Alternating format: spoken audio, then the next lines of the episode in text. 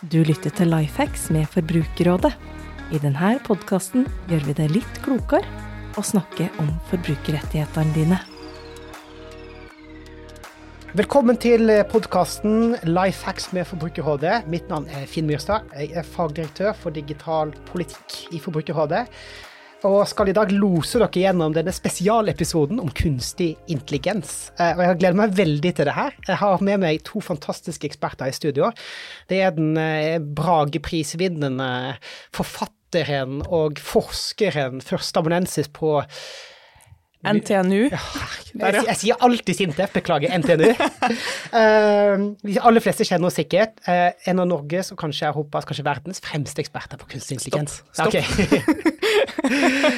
Uh, og ved min andre side så har vi Hans Petter Dalen. Uh, jobber til daglig for IBM og en fremtredende ekspert på kunstig intelligens. Han er også områdeansvarlig for det de kaller AI governance i Europa og Midtøsten. Hva er det noe mer? Afrika. Afrika òg. Så egentlig en ganske stor del av verden for IBM. Det er ganske flott. Vi skal prøve å diskutere uh, veldig kort hva er kunstig intelligens, for de som ikke uh, kjenner til det. Men vi skal fokusere mest på hvordan er det vi skal håndtere det her videre.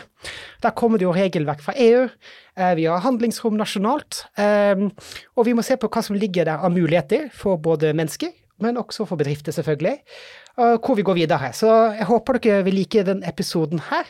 Og da tenker jeg egentlig vi bare hopper inn i det med en gang. Og Inga, velkommen til podkasten. Tusen takk. Du har jo eh, forklart noe, eh, og fått formidlerprisen til og med, eh, for din evne til å forklare kompliserte ting på en måte som folk forstår. Så kan vi, hva tenker du er den enkleste måten å forklare kunstig intelligens for, for de som lytter på den podkasten her?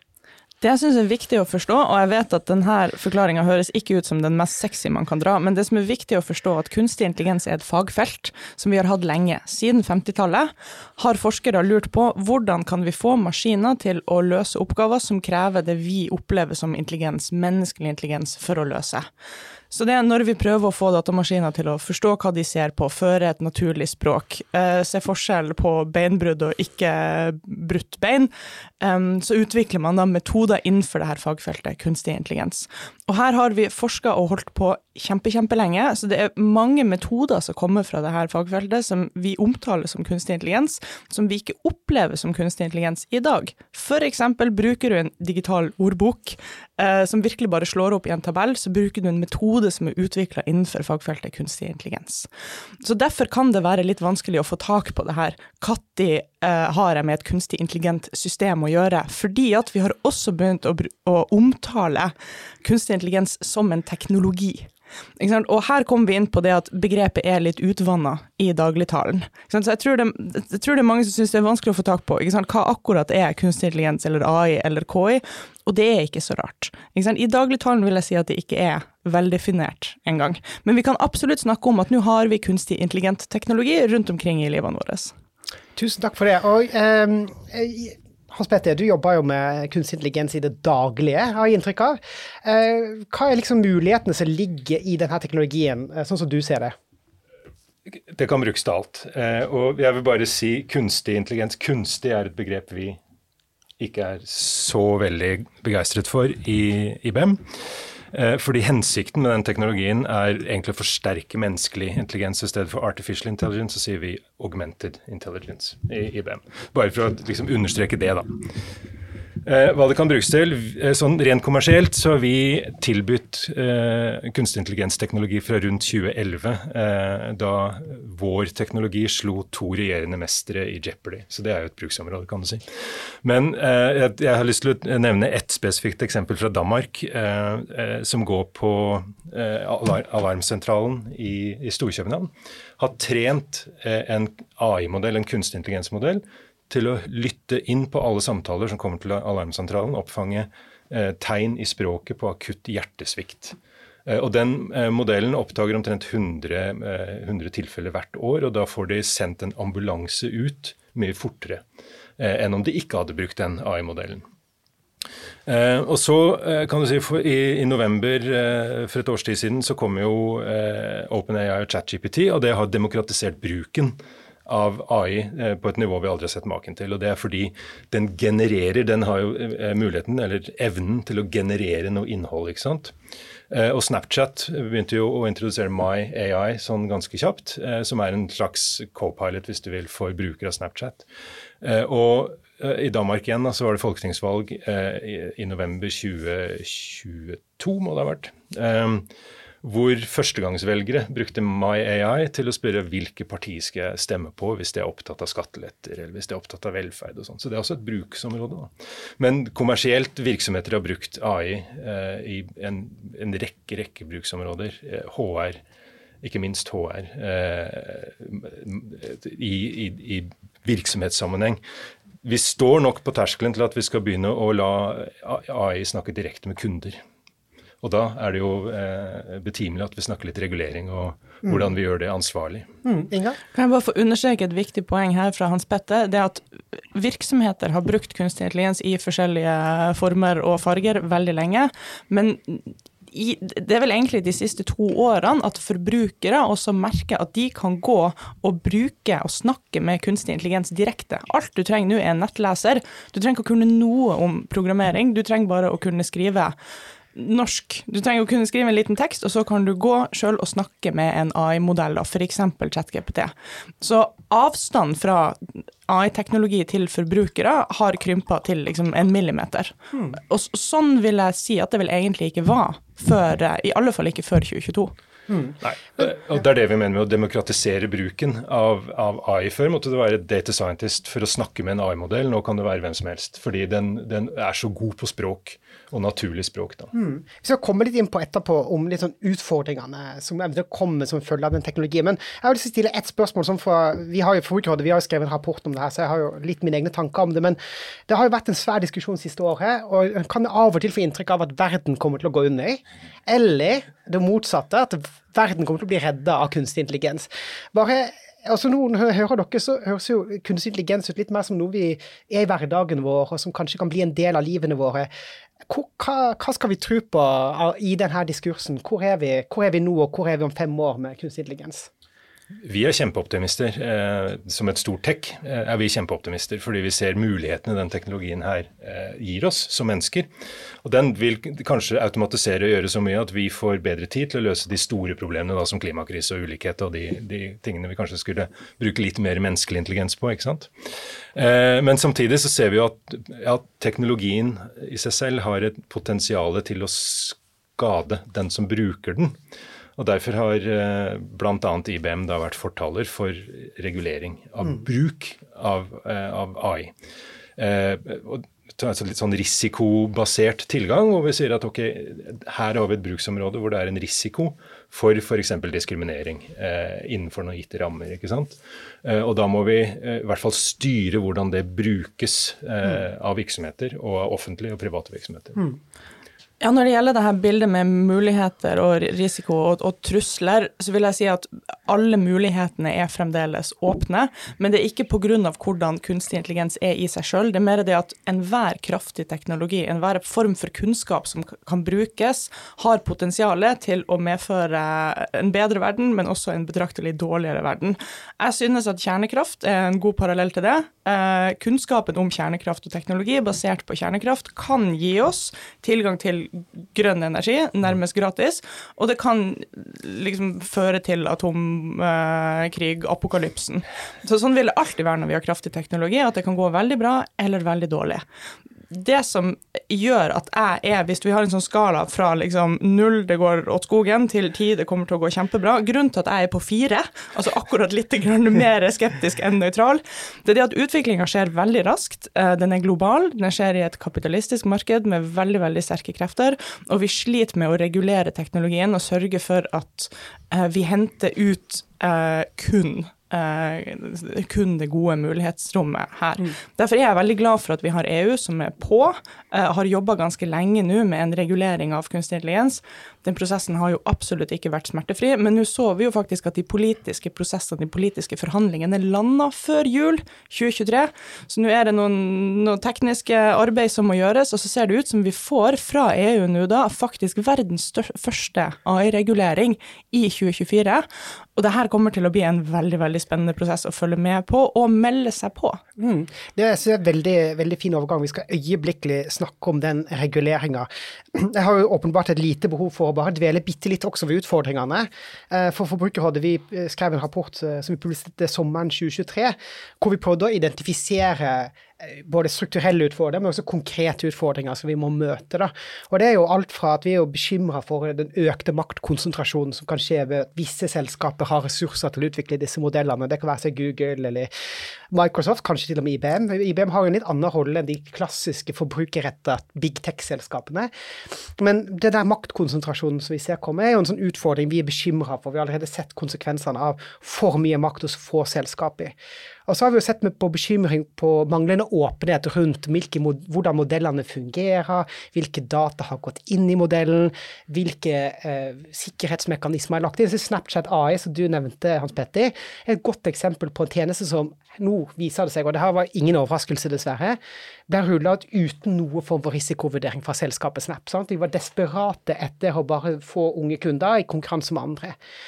Og så har vi jo sett uh, mer konkrete utfordringer som egentlig ikke er nye med kunstig intelligens, men som vi ser kan bli forsterka med kunstig intelligens. Det har jo med diskriminering, muligheten for manipulasjon, det gjelder jo både i form for svindel, men også valgmanipulasjon, den type ting. ikke sant? Eh, konsekvenser for personvern. Eh, og jeg kan fortsette, ikke sant. Eh, så det her er jo utfordringer som på en måte ikke er nye, men som selvfølgelig får komme i et nytt lys når vi ser en sånn vanvittig utvikling. og da er egentlig spørsmålet mitt um, Tror dere at den reguleringen som kommer fra EU, eventuelt andre lover vi har, kan hjelpe oss med å møte de utfordringene som kanskje jeg har beskrevet, kanskje andre også. Eh, eller hva mer må vi gjøre for å på en måte skape, oppnå de gevinstene som jeg syns dere også beskriver fint her? Ja, eh, Svaret er ja, eh, absolutt. EUs foreslåtte lovgivning, for den er jo ikke vedtatt ennå, er et godt skritt på veien, syns vi i IBM. Og vi er veldig optimistiske og støtter EU i den tilgangen de har tatt. Hva, hva er det den gjør, den forordninga? Den, eh, den, den, den, vurderer risikoen eh, ved å bruke AI spesifikke, på spesifikke bruksområder. Så den har fire risikokategorier. Eh, hvor eh, noen bruk av AUR faktisk blir forbudt. da, eh, Sånn som social scoring, som er stort i Kina, men som vi kanskje ikke syns er så hva, hva er det for noe? fett i Europa. Kort, hva er det? Du, hvis du er fattig og dårlig utdanna, så får du dårligere muligheter. Mm. Da, du, du, klassifiserer mennesker basert mm. på hvor de er sosialt. Det syns ikke vi er så fett i Europa, så det er forbudt. Mm. Uh, og den politiske avtalen som Inga nevnte, der står det også uh, emotion recognition, eller følelsesgjenkjennelse. Eh, på arbeidsplassen og på utdannelsesinstitusjoner. og Det er vi veldig spent på hva betyr. For det kan være sånn som sentimentanalyse, f.eks. at kunden min er glad. Det kan jeg lese ut fra kommunikasjonen. Er det emotion recognition? Vi har også noen sånne kopiloter som eh, kan skrive møtereferat fra virtuelle møter og gi en engagement score. Inga var så så engasjert i den samtalen. Eh, det vil kanskje være følelsesgjenkjennelse, og da kan det potensielt bli forbudt. Mm. Eh, veldig mange bedrifter vil ha høyrisiko use cases. Det er sånn typisk bruke algoritmer i ansettelse eller utvelgelse av, av kandidater. Eh, Kredittrisikoskåring og sånne ting. Og da kommer EU med en rekke krav til hvordan du skal implementere det for å få tilgang til det indre markedet, eller for å gjøre det i EUs indre marked. Da. Eh, så den, Vi er enig i det fundamentale prinsippet at det er risikoen forbundet med bruk av AI som skal mm. reguleres, og ikke teknologien i seg selv. Ja, jeg er jeg er nok også en av de som er glad for at AI Act finnes. Um, jeg var mer optimistisk i starten enn jeg var håper si, i slutten, sånn er det kanskje ofte. Uh, fordi tanken bak AI Act var nettopp som Hans Petter sier, vi skal uh, regulere basert på hvilken risiko et system påfører eller medfører for samfunnet, ikke teknologien i seg sjøl. Og det her skulle gjøre reguleringa uh, såkalt future proof, altså skulle gjøre den egnet til å møte en hvilken som helst fremtid uten at vi vet nøyaktig hvordan teknologien kommer til å utvikle seg i fremtida. Og det her er kjempe, kjempe, kjempeviktig. Fordi at akkurat nå opplever vi nok at lovverket springer litt etter kunstig intelligens, eh, prøver å slokke noen branner, må tolkes i en kontekst som vi nærmest aldri har opplevd før. Um, grunnen til at jeg blir uh, mindre og mindre optimistisk, dessverre, det er det at vi ser at selv ikke AI Act, som hadde det her som ambisjon, eh, å forholde seg kun akkurat til samfunnspåvirkninga av teknologien, ser ut til å være så future-proof som mange av oss hadde ønska og drømt om. F.eks. generativ AI, eh, sånn som f.eks. ChatGPT som genererer tekst, eller Dali som genererer bilder, eh, AI-systemer som genererer lyd, altså AI-systemer som genererer nye datapunkter, da, eh, de, de, kom på banen etter at arbeidet med AI Act eh, var starta. Og da så vi at politikere og de som satt og skrev reguleringer, måtte litt sånn hive seg rundt uh, og, og, og, legge inn nye deler i AI Act for å klare å håndtere generativ AI i det hele tatt. For at vi ser at hva som er f.eks. samfunnsrisikoen med at ChatGPT finnes, er for stor og ullen og, og udefinert. Så for utdanningssektoren er ChatGPT en komplett krise. Men det er også veldig bra at vi har AI-systemer som for, forstår naturlig språk, for nettopp pga. den demokratiserende effekten, at den gir alle sammen tilgang til å bruke AI hvis de har lyst til det. Så den risikobaserte tilnærminga, det kan faktisk hende at den er si, litt for ullen, og også overlater altfor mye til tolkning, til at det blir mulig for alt fra offentlig sektor til små bedrifter og forholde seg til den? Kanskje. Kanskje. Bra, hopp inn. Utdannelse er jo et såkalt høyrisiko uh, use case, uh, som er regulert uh, av EU AI Act.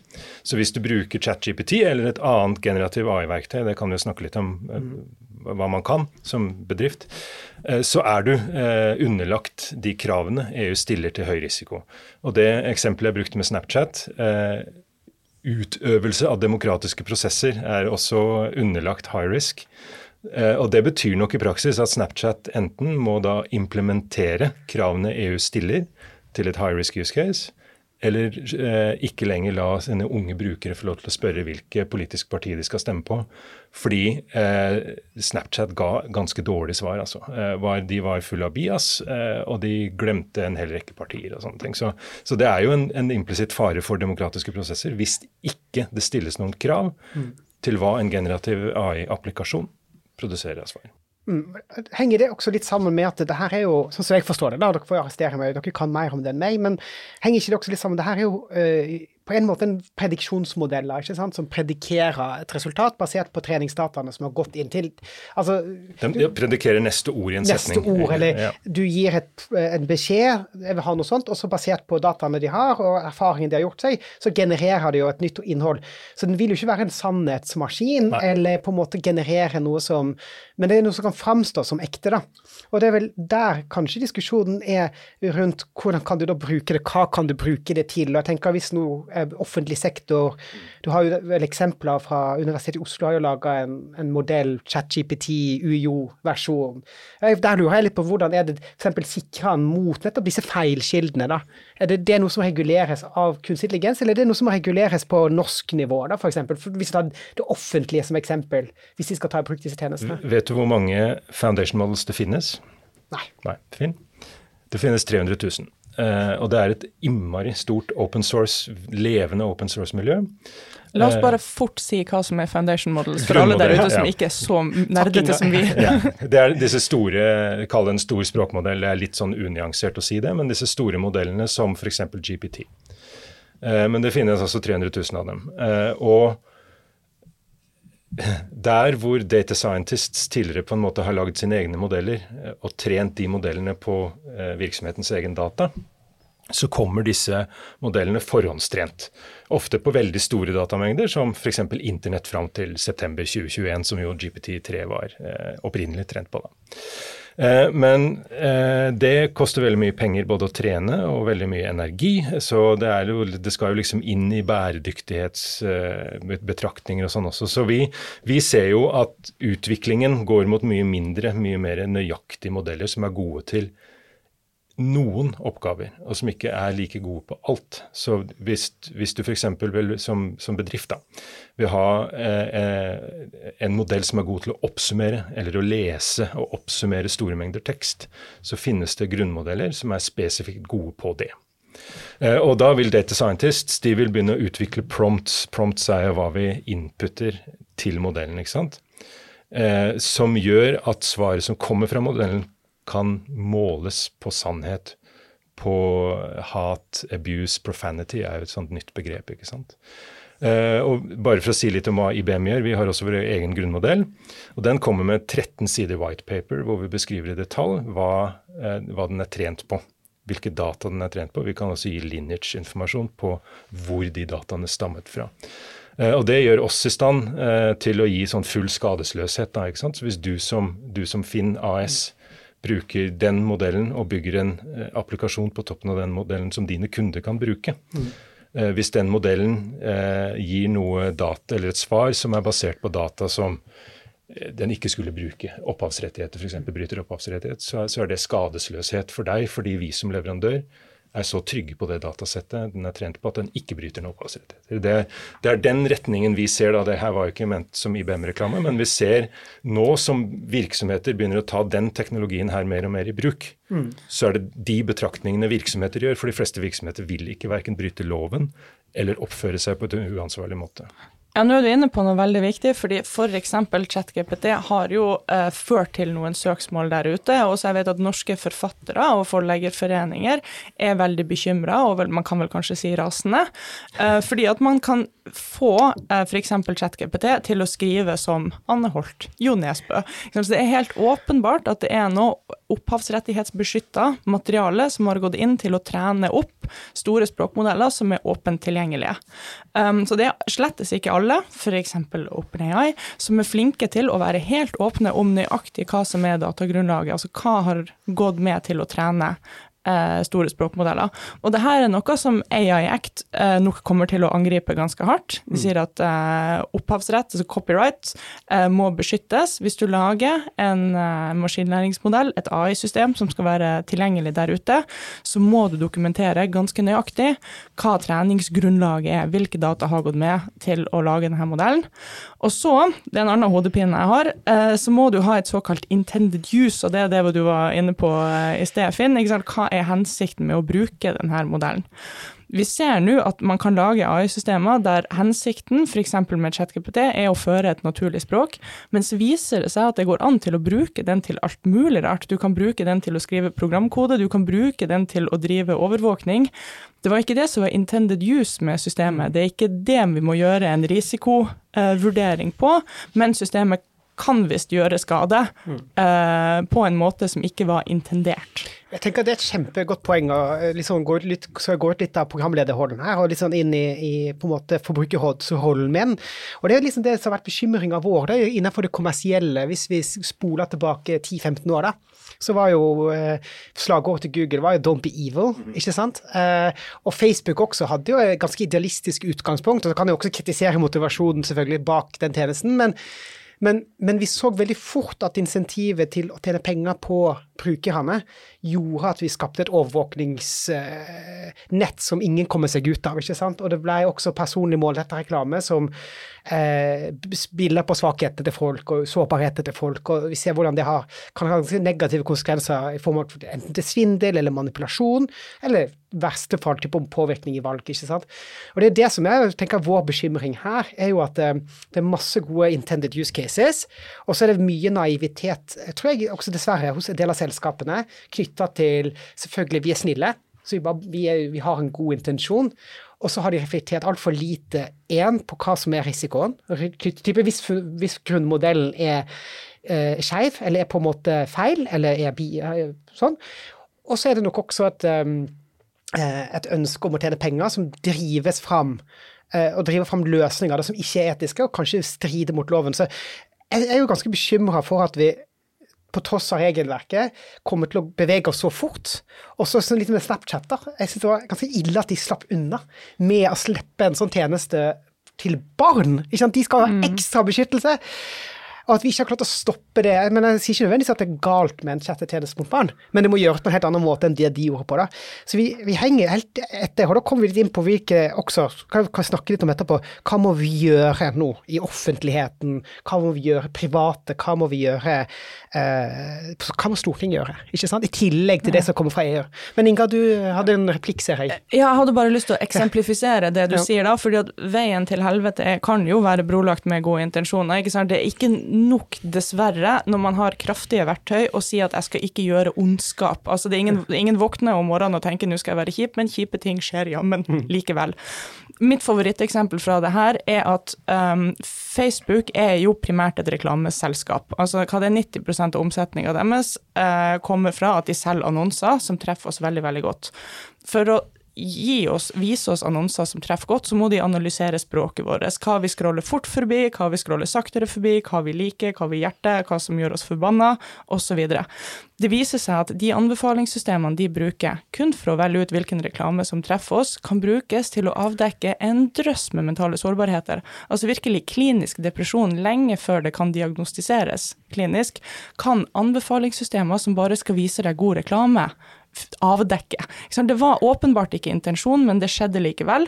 Og med overveiende sannsynlighet så utnytter Facebook f.eks. mentale sårbarheter, selv om ikke det var intensjonen.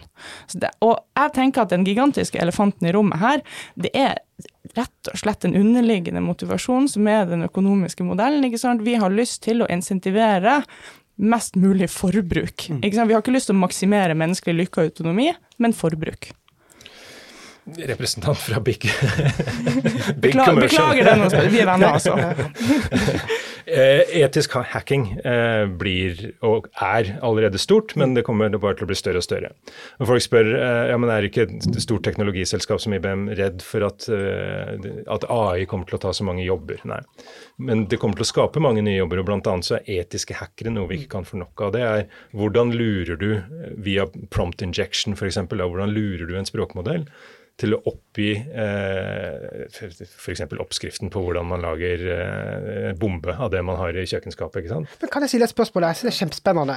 Mange har jo prøvd det på Facebook og Google, og de blir sparka ut. ikke sant? Forskere har prøver å se på Facebook-algoritmene. New York University hadde jo et prosjekt hvor de prøvde å se på hvordan annonsene slo ut. For de er jo individualisert, ikke sant. Så eh, folk er ikke klar over at de blir manipulert. Du kan kun se det på skala. ikke sant? Hvis du ikke får en annonse for et boliglån fordi du blir ansett som en risikokategori, så vil du aldri vite det.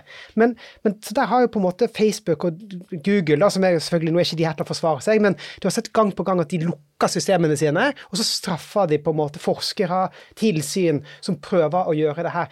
Er ikke det en fare for at, vi, at den kulturen setter seg også her? At disse lukka systemene ikke på en måte legger til rette for det? Eh, Spørsmål. Ja. I EU AI Act, en, en forbudt praksis vil være man, det som kalles manipulativ eh, bruk av den teknologien for de sier ikke commercial impact, de sier physical og psychological impact. ikke sant? I, sp i språket, da. Eh, og for kommersielle aktører så betyr jo det kommersielt. Så, så det, er, det, vil jo være en forbudt praksis. Det vil jo være et forbud i EU mot å bruke AI til å manipulere på det, det nivået vi beskriver her. Da. Ja. ja. Hvordan skal vi få den majonesen her inn i tuben igjen? Altså, vi vet jo at både TikTok og Instagram gjør uh, unge jenter f.eks. mer anorektisk enn de var i utgangspunktet. Um, altså, lykke til med å rulle ut Instagram fra EU. Uh, eh, vi, har, vi, har, et stort etterslep her. Det har dessverre skjedd nå at vi har vent oss til uh, et liv med AI-systemer som vi i retrospekt ikke vil ha. Mm. Og jeg lurer på om det er litt som håper si, sukker og alkohol alkohol, hadde vi innført det nå med det vi vet i dag? Eller har vi bare vent oss til uh, at det her er nå bare en del av verden, og nå må vi eh, komme, komme etter med liksom, kostholdsråd og mekanismer som, gjør, liksom, som beskytter forbrukere i mm. etterkant, gitt at vi nå har en teknologi som oppfører seg på en dårlig måte. Og her er jo det store, spennende spørsmålet her er jo er EU sitt marked, det økonomiske markedet som er EU, stort nok til å faktisk påvirke hele verden? Favoritteksempelet mitt her er ladere. Husker da jeg var ung for en million år siden, så måtte jeg ha en egen lader for hver eneste dings jeg hadde hjemme. Altså telefonen min, og det var ikke iPads da, ikke sant, datamaskiner.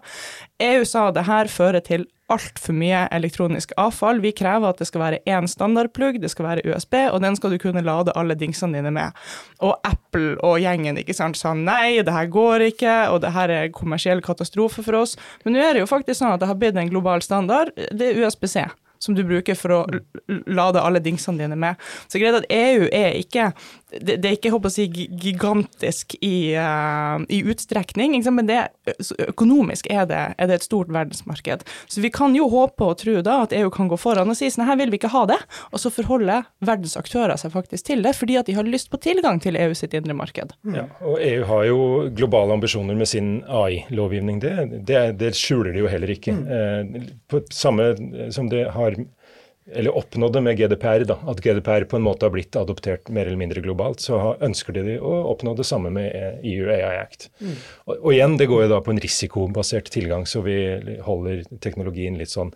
Men hvis vi skal snakke litt om hva, hva betyr det her for norske bedrifter, kanskje. Mm. Eh, for det, nå snakker vi jo på sånn veldig høyt nivå, men lavpraktisk, da. Hvis du er eh, AS Hjørne og du ønsker å, å bruke en algoritme til å ansette den beste ungdommen i Norge, som er i EUs indre marked, så må du forholde deg til den lovgivningen her. Og Det er et kjempeviktig poeng. La oss stoppe og bare dvele med det litt. Selv om vi i Norge ikke automatisk får AI Act fordi at vi ikke er et EU-land, vi får den kanskje forhåpentligvis snart eller om lenge til gjennom EØS-avtalen, mm. men likevel, vi opererer i EU sitt indre marked. Vi er nødt å forholde oss til AI Act. Hvis ikke så får vi ikke tilgang. Nei, og det, det, er jo en fantastisk overgang til at uh, nå har vi snakka mye om AI Act, og jeg er helt sikker på at folk som hører på det, kan også slå opp det her, og det kommer til å være utvikling de neste månedene, og så skal det bli oversatt til norsk. og så er det en prosess knytta til EØS, og så kommer den inn i norsk lov om to-tre år, kanskje. Hvis vi er heldige. Men det er jo mange ting som skjer i mellomtida. Ikke sant? Og Da kommer vi inn på hva kan vi gjøre i Norge i dag, eh, både for å hjelpe bedrifter og Det her er jo konkurranseperspektiv. Eh, spesielt har vi jo sett at eh, de store gigantene, da tenker jeg Facebook og Google igjen, da, som jeg kjenner best, har jo utkonkurrert norske små bedrifter fordi de, har, altså de store gigantene har jo et, et, et, enormt apparat til å forholde seg til regelverket. Eh, og så skjønner jeg jo at det da er det et ønske om å lage eh, mer like vilkår. Eh, og det må en jo også få til her. Og så selvfølgelig forbrukerperspektivet skal vi snakke om etterpå. Men, mm. men fra et sånn bedriftsperspektiv, hva må, hva må, politikerne gjøre? Hva må det offentlige gjøre? Hva kan bedriftene sjøl gjøre for å forberede seg på det her? Nå, nå ble jeg litt teknisk, da. Ja. Eh, men eh, for det første så er jo ikke eh, AI Act god vedtatt av parlamentet enda. Eh, men det her er jo eh, prestisjefullt for EU, så alle forventer jo at det blir vedtatt i denne parlamentsperioden, som utløper i juni. I juni er det nytt EU-parlamentsvalg. Det her er jo det største valgåret i menneskehetens historie for øvrig, men eh, det er en side note. Når den er vedtatt, så vil det være en implementeringsperiode. Og de forbudte praksisene Uh, har en seks måneder uh, implementeringsperiode. Så hvis, hvis, du da har en eller annen AI-praksis som blir forbudt av EU, så har du seks måneder på å lukke den ned. Og så er det to år uh, implementering på høyrisiko bruks, bruksområder. Og loven er litt sånn skal vi si, bevisst litt sånn ullen. Den, den kommer med noen essensielle krav for å liksom oppfylle, eh, oppfylle lovens intensjon. Da. Som f.eks. Eh, bruk eh, høy kvalitets treningsdata. Hva er det? Den har syv sånne essensielle krav på høyrisiko eh, bruksområder. Og da har EU sagt ja, det, det eh, ved å implementere de tekniske standardene som gjør at, at, du er, at du oppfyller de kravene, så oppnår du automatisk en, eh, at, at, vi tror du er konform. altså det, Presumption of conformity heter det, sånn rent teknisk. Det er, to, eh, det er to europeiske standardiseringsorganisasjoner som skriver disse standardene. SenSenelect, veldig teknisk igjen, det behøver ingen å bry seg om at de heter. Eh, og det har de 24 måneder på å gjøre. Så for norske eh, bedrifter som vil ta i bruk AI, eh, som er klassifisert som høyrisiko, så blir det eh, egentlig bare et spørsmål om å implementere noen tekniske standarder. Akkurat nå så er det ti, disse, sju essensielle kravene. ser ut til å i hvert fall bli ti tekniske standarder som må implementeres. Og når de er implementert, så automatisk går EU ut fra at du oppfyller kravene. Hmm det her, er jo, det her er jo fantastisk gode nyheter. Da, for jeg tenker hvis man, altså Norge er jo SMB-landet, altså landet for små og mellomstore bedrifter, som kanskje ikke har et helt juridisk apparat som kan sette seg ned og nilese og forstå og tolke hele AI Act. Men mitt beste tips si akkurat nå er bare operer som om AI Act eh, kommer til å bli vår norske lovgivning, for det må skje før eller siden uansett. Eh, for, forbered, eh, forbered dere, eller oss, på at vi må forholde oss til AI Act. Og så er det jo, ja, den, den, gode nyheten er jo at det kommer sannsynligvis noen standarder innenfor to år som forteller oss nøyaktig konkret hva vi må gjøre for hvilke AI-systemer for at de skal være i henhold til AI Act. Mm. Og Da blir det vel viktig å passe på at de standardene tar inn over seg på en måte, jeg tenker forskerperspektivet, de tekniske perspektivene, men, og, og, selvfølgelig også de kommersielle, men også selvfølgelig de menneskerettslighetsperspektivene, forbrukerperspektivene. At de standardene kan ha veldig mye makt på hvordan teknologien blir i praksis. Så Det er jo veldig viktig for den tilliten, så vi unngår nye sånne Cambridge Analytica-skandaler. For det vil jo være døden, tror jeg, for eh, KI eller AI i offentlig sektor hvis ikke en klarer å implementere det her på en trygg måte som ivaretar grunnleggende rettigheter. da.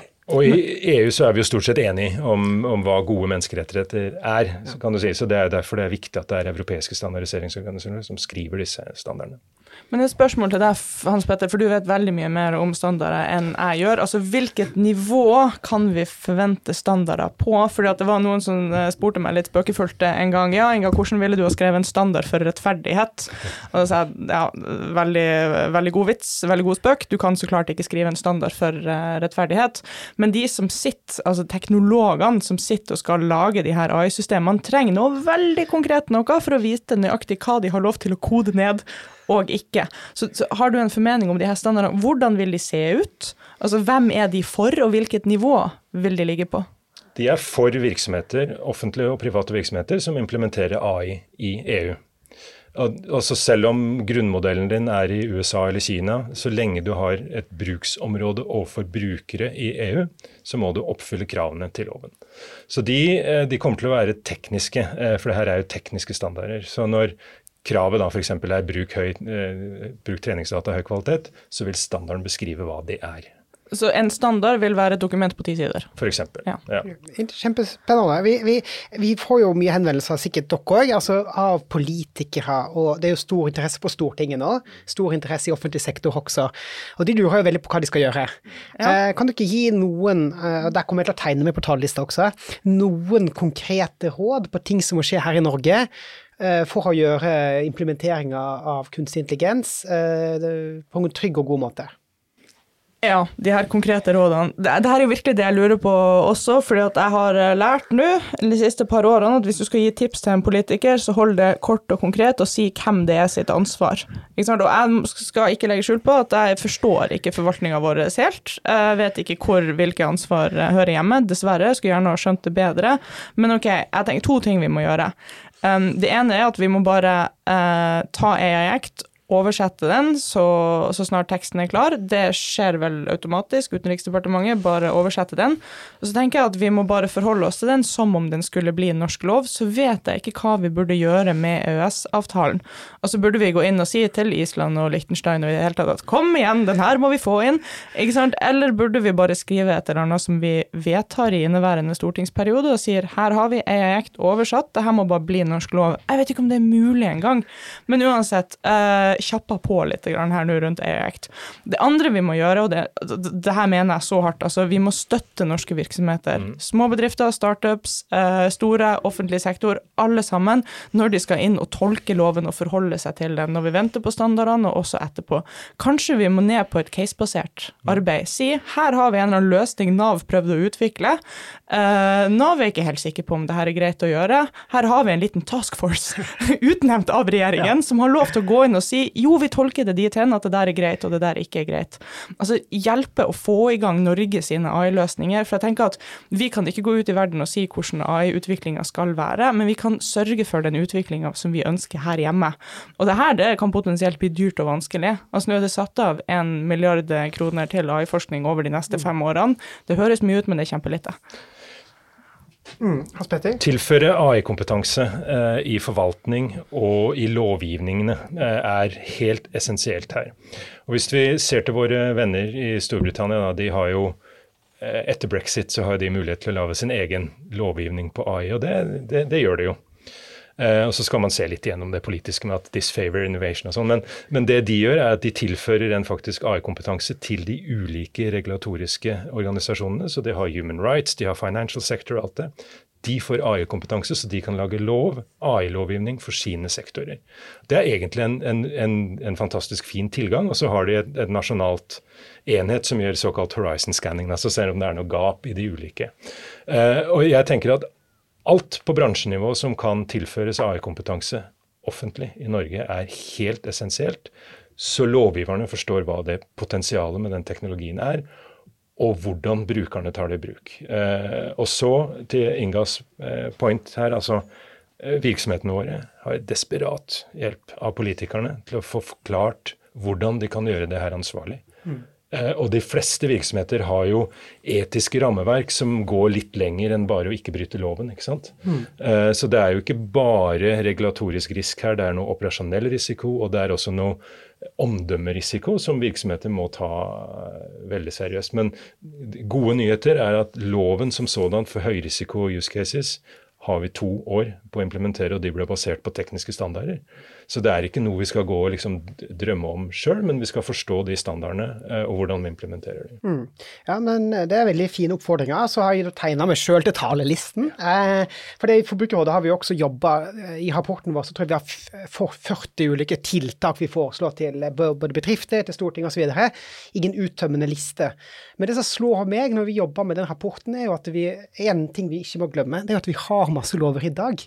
Det blir jo av og til snakka som om at kunstig intelligens eh, er et lovtomt rom. Og det er veldig viktig å påpeke at det er det ikke. Vi har eh, personvernlovgivning, vi har markedsføringslov, vi har produktsikkerhetslov, vi har antidiskrimineringslov, vi har arbeidsmiljølov, vi har konkurranselov. Jeg kunne fortsatt. Og en oppfordring som vi har til politikerne, er jo at vi må jo kanskje finne ut hvordan disse lovene passer inn i den utviklinga vi ser nå. Og Der har også tilsynene en veldig viktig jobb, de som forvalter det her regelverket. Og Der bør dere også politikerne se på hvordan de kan styrke tilsynene. Men også få tilsynet til å samarbeide bedre. Altså fordi eh, Det er jo Konkurransetilsynet, Forbrukertilsynet, Datatilsynet og kanskje flere medietilsyn, Nkom, you name it, har alle kontaktpunkter inn mot disse store selskapene. Men samarbeider de? Ja, noen gjør det. Kunne de samarbeide bedre? Sannsynligvis. Altså, der kan vi, og Det tenker jeg blir veldig viktig. Og så tror jeg det er kjempeviktig å få det her inn i offentlig sektor. Hvordan er det offentlig sektor skal forholde seg til det her? Offentlig sektor, Hvis vi skal lære feilene vi har gjort så langt, og da tenker jeg, ser jo vi, La oss ha skolen som et eksempel. Eh, der jobber vi Jeg satt også i Personvernkommisjonen, og eh, vi så jo med skrekk og gru på den digitaliseringen som skjedde i skolen, med tanke på personvern. Der opplever elevene både personlig sporing, det vi har snakket om målretta markedsføring og overvåkningsbasert markedsføring, og de får da både at de blir overvåka, og de blir utsatt for det enorme kommersielle presset på skolens enheter som de tar med seg hjem. Eh, og vi må unngå at alle spørsmål er hvor kan vi passe inn AI? Svaret er ikke alltid AI. Hva er problemet vi skal løse? Og er, kan AI eller andre digitale løsninger være med på å løse det problemet? Så jeg tenker også det er litt viktig å, å, å ikke bli en del av en sånn hype der vi gjentar feilene fra forrige runde med digitalisering, som koster samfunnet enorme ressurser, og som også tar ressurser vekk fra andre ting som vi kanskje skulle brukt pengene på. Nå er det jo en diskusjon rundt lærebøker kontra iPad f.eks. i skolen. Litt utenfor forbrukerrådsmandat, men det er åpenbart også et ressursspørsmål. Så hvilket samfunn vil vi ha? Og hvordan løser vi de utfordringene? Og selvfølgelig tror jeg KI kan være en del av den løsninga, men det er heller ikke hele løsninga. Det tenker jeg er litt sånn viktig, og det er kanskje utfordringa mi her på tampen. Da. Hva tenker dere om liksom, hva er det KI ikke kan brukes til? Jeg, jeg vil bare understreke én ja? ting. Ja. Langt de fleste bruk av AI vil være forbundet med lav eller ingen risiko. Og Da vil det være veldig få regulatoriske krav utover at du skal bare gjøre brukeren oppmerksom på at nå snakker du med en chatbot, eller nå ser du en deepfake. Mm. Så tenker jeg at De som vil skade oss med deepfakes, de bryr seg ikke om lovgivningen allikevel, så de, de, vil jo gjøre et forsøk på det. Og Det er faktisk viktig. Langt de fleste bruksområdene for AI er forbundet med lav eller ingen risiko. Så det vi snakker om her, er jo de tilfellene som ikke er det. Ja, det er et godt spørsmål fra Finn her. Altså, Hvilket samfunn vil vi ha? Hva, eh, hva kan vi ikke bruke AI til?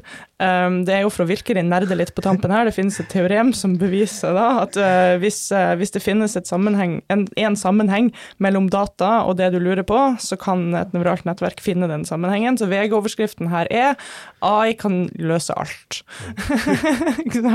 hvis du har beskrevet problemet ditt godt nok, uh, så skal jeg klare å lage et dataprogram som løser det problemet. Så vi står i tidenes 'careful what you wish for'-situasjon her. Vi, altså, AI ligger an til å kunne kunne lage eh, kunst, eh, skrive dikt, skrive romaner, eh, lage musikk. Teknologien kommer til å fortsette å utvikle seg og bli bedre og bedre. Så jeg tenker ikke at vi må spørre oss om liksom, hvilken plass blir igjen for menneskene etter at teknologien er ferdig å herje. Fordi da gjør vi teknologi til en naturkraft som det ikke er. Teknologien og menneskeskapt noe som vi skaper for å løse problemer. Så må vi si ja, men hva her er det som ikke er et problem? Her, vi, hvilket område vil vi ha forbeholdt mennesker? Det, det, handler mer om for meg å ja, besvare det spørsmålet ditt. Hva, hva slags samfunn vil vi ha? Hvor, hvor, vil vi ikke ha datamaskiner? Hvilke beslutninger vil vi at mennesker skal ta? Og hvordan beskytter vi menneskelig autonomi? Og dette er et så stort spørsmål at vi får nesten heller bare komme tilbake. Jeg lurer på om det var en veldig fin avslutning på denne podkasten, med mindre dere brenner inne med noe mer, som dere vil si? Jeg vil bare avslutte med at vi er virkelig teknologioptimister eh, på vegne av AI. Og vi tror så på menneskeheten og menneskets måte å adoptere den eh, teknologien på. Så går jeg tilbake til mitt første poeng her. Kunstig intelligens er egentlig et litt misvisende begrep, for vi innebærer at vi tar menneskelig intelligens og erstatter det med noe som ikke er det. Så forsterket intelligens er poenget med den teknologien her. Og hvis vi ikke vil miste synet av det, så kommer dette til å gå bra, Inga. Ok, greit, vi går for det. Ja, nydelig. God start på det nye året. Kjempebra. Så må vi aldri huske at ting kan gå galt, og vi legger en sikkerhetsmekanisme for å unngå det. Og med det så vil jeg takke Inga Strømke for å komme til studio. Det samme til deg, Hans Petter Dalen fra IBM. Eh, så får dere gjøre oss klokere på kunstig intelligens og hvor vi er på vei videre. Og takk til dere som hørte.